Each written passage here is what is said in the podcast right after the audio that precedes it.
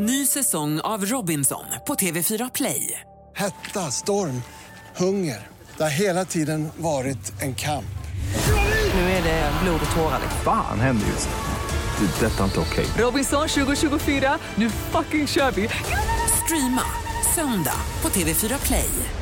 Du lyssnar på en podcast från Expressen. Ansvarig utgivare är Thomas Mattsson. Fler poddar hittar du på expressen.se podcast och på iTunes. Det här är Expressen Dokument. Kan gåtan med stulna nazistguldet någonsin lösas? Av Arne Lapidus, som jag, Johan Bengtsson, läser upp. Förintelsen innebar inte bara massmord, utan också systematisk plundring av miljoner människor. Nazisterna stal guld, konst och andra tillgångar från förföljda judar. Och ännu dyker stöldgods upp, som vid miljardfyndet i München nyligen. En del av tillgångarna hamnade i Sverige och en statlig kommission utredde frågan grundligt. Men inte tillräckligt grundligt, anser vissa historiker. Utredningen stoppade lite för tidigt, när den ändå var igång, säger historieprofessorn Claes Åmark. Gåtan med det försvunna nazistguldet fortsätter att fascinera ännu snart 70 år efter det att Adolf Hitlers tusenåriga rike gick under i ett ragnarök av blod och eld.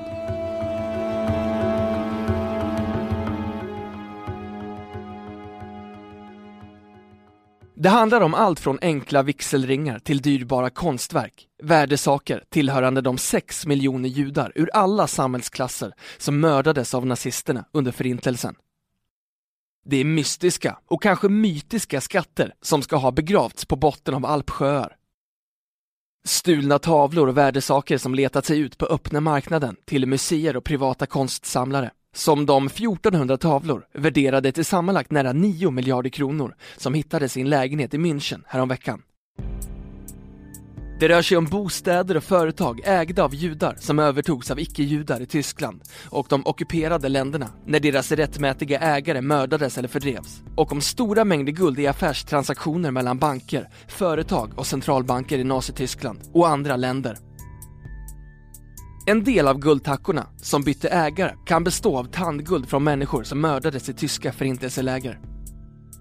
Tillgångarna hamnade i en rad länder, bland dem Sverige. Regeringen tillsatte 1997 Kommissionen om judiska tillgångar i Sverige vid tiden för andra världskriget. Den leddes av Rolf Wirtén, tidigare ekonomi och budgetminister och landshövding och skulle utreda vad som hänt med de tillgångar tillhörande judar som man visste eller misstänkte kom till Sverige under förintelsen. Vi gjorde ett väldigt ambitiöst arbete. Vi kom så långt vi kunde. Kommissionen uppmanade till vidare forskning. Med det menade vi att det fanns skäl att forska om det kom fram nya fakta som inte var tillgängliga för oss, säger Rolf Wirtén.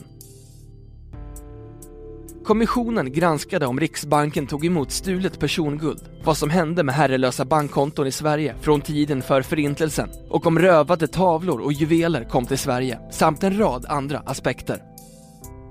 Utgången var lyckosam i så mening att det inte kom mycket sådana tillgångar till Sverige. Vår belastning var inte så stor som statsminister Göran Persson var orolig för när han tillsatte kommissionen, säger Rolf Wirtén. Vi gjorde en genomgång av alla offentliga konstinköp mellan 1938 och 1945.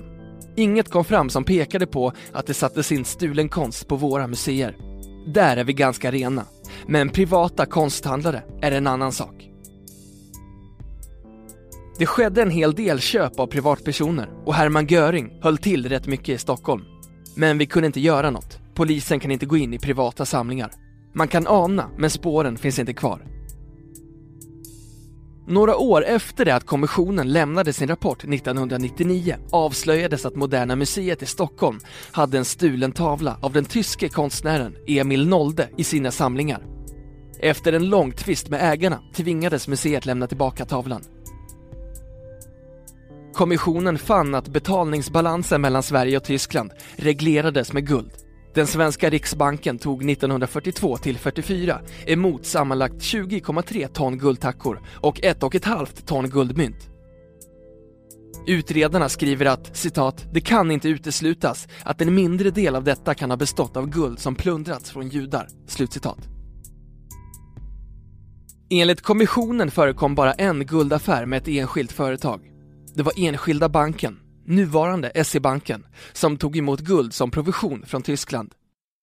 100 kilo av detta kan ha innehållit viss mängd konfiskerat eller plundrat personguld, skriver kommissionen som förklarar att naziregimens ekonomiska plundring av judarna nådde sin ohyggliga kulmen i dödslägren, där det hade pågått plundring av smycken, vigselringar och tandguld. Vi gjorde ett oerhört noggrant arbete med guldet. Allt omgjutet guld kollades extra noga i Riksbankens arkiv. En del av detta omgjutna guld skulle teoretiskt kunna innehålla tandguld från förintelselägren, säger Rolf Wirtén. Kommissionen kom fram till att det fanns 649 herrelösa konton tillhörande offer för förintelsen i svenska banker. Den lät publicera stora annonser med namnlistor i pressen och ombad alla som kände sig manade att höra av sig till bankerna. Kommissionen kritiserar bankerna och regeringen för att inte tidigare ha tagit frågan om herrelösa konton från Förintelsen på allvar. Men den säger att de svenska bankerna nu med kommissionens hjälp äntligen och sent om sidor har gjort rätt för sig genom att betala ut pengar till efterlevande som hört av sig. Vi hade cirka 200 herrelösa konton från tiden före 1945. Nu har vi betalat ut till ett 70-tal som hört av sig, så det finns ungefär 130 kvar. Det sker utbetalningar lite då och då, men det var länge sedan sist, säger Anna Helsén, presschef på SE-banken. På Bankföreningen, som hade en representant i kommissionen, får man fortfarande förfrågningar från personer som tror att deras anhöriga hade konton i Sverige. Kommissionen understryker att dess rapport inte ger några slutgiltiga svar utan ska ses som en plattform för fortsatt arbete. Frågan om naziguldet blev högaktuell i slutet av 1990-talet när det framkom att det neutrala banklandet Schweiz hade hjälpt tyskarna att förvandla det rövade guldet till hårdvaluta. Schweiz tillsatte en utredning och till slut gick de schweiziska bankerna 1998 med på att ersätta de efterlevande till offren för förintelsen med motsvarande 10 miljarder kronor.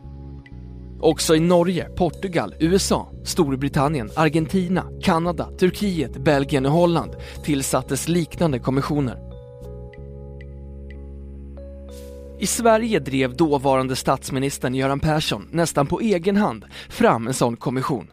Hans stora engagemang för förintelsen och dess offer, utan motstycke hos någon annan svensk statsminister, vare sig förr eller senare, ledde till internationella konferenser om förintelsen med deltagande av världens främsta forskare på området, till boken Om detta må ni berätta, som spreds gratis i en och en halv miljoner exemplar och till myndigheten Levande historia.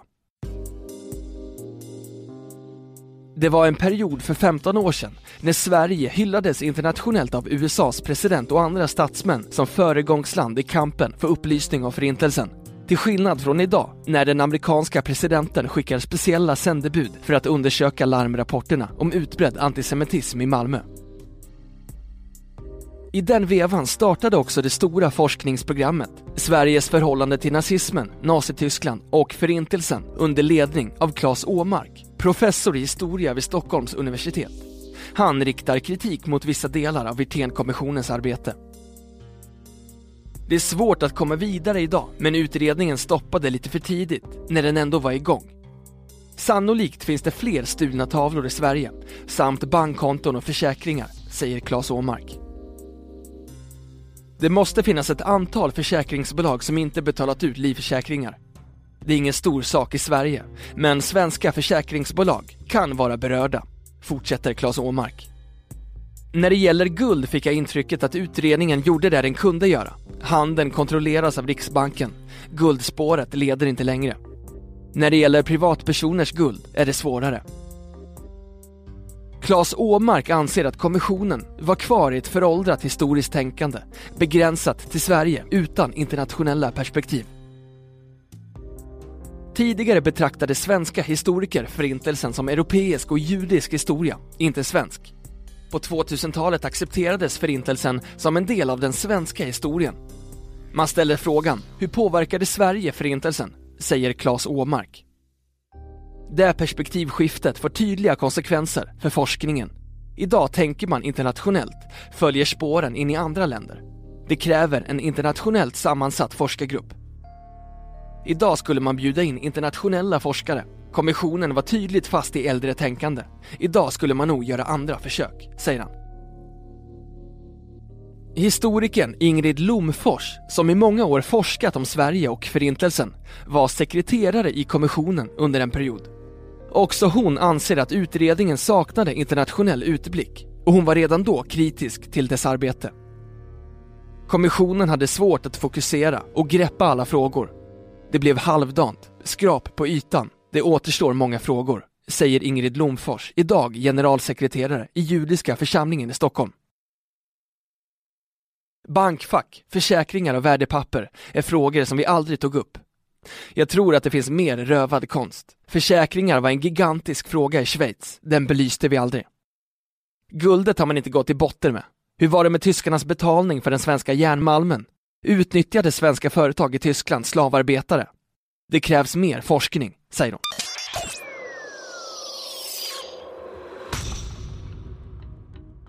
Du har lyssnat på en podcast från Expressen. Ansvarig utgivare är Thomas Mattsson. Fler poddar finns på Expressen.se och på iTunes.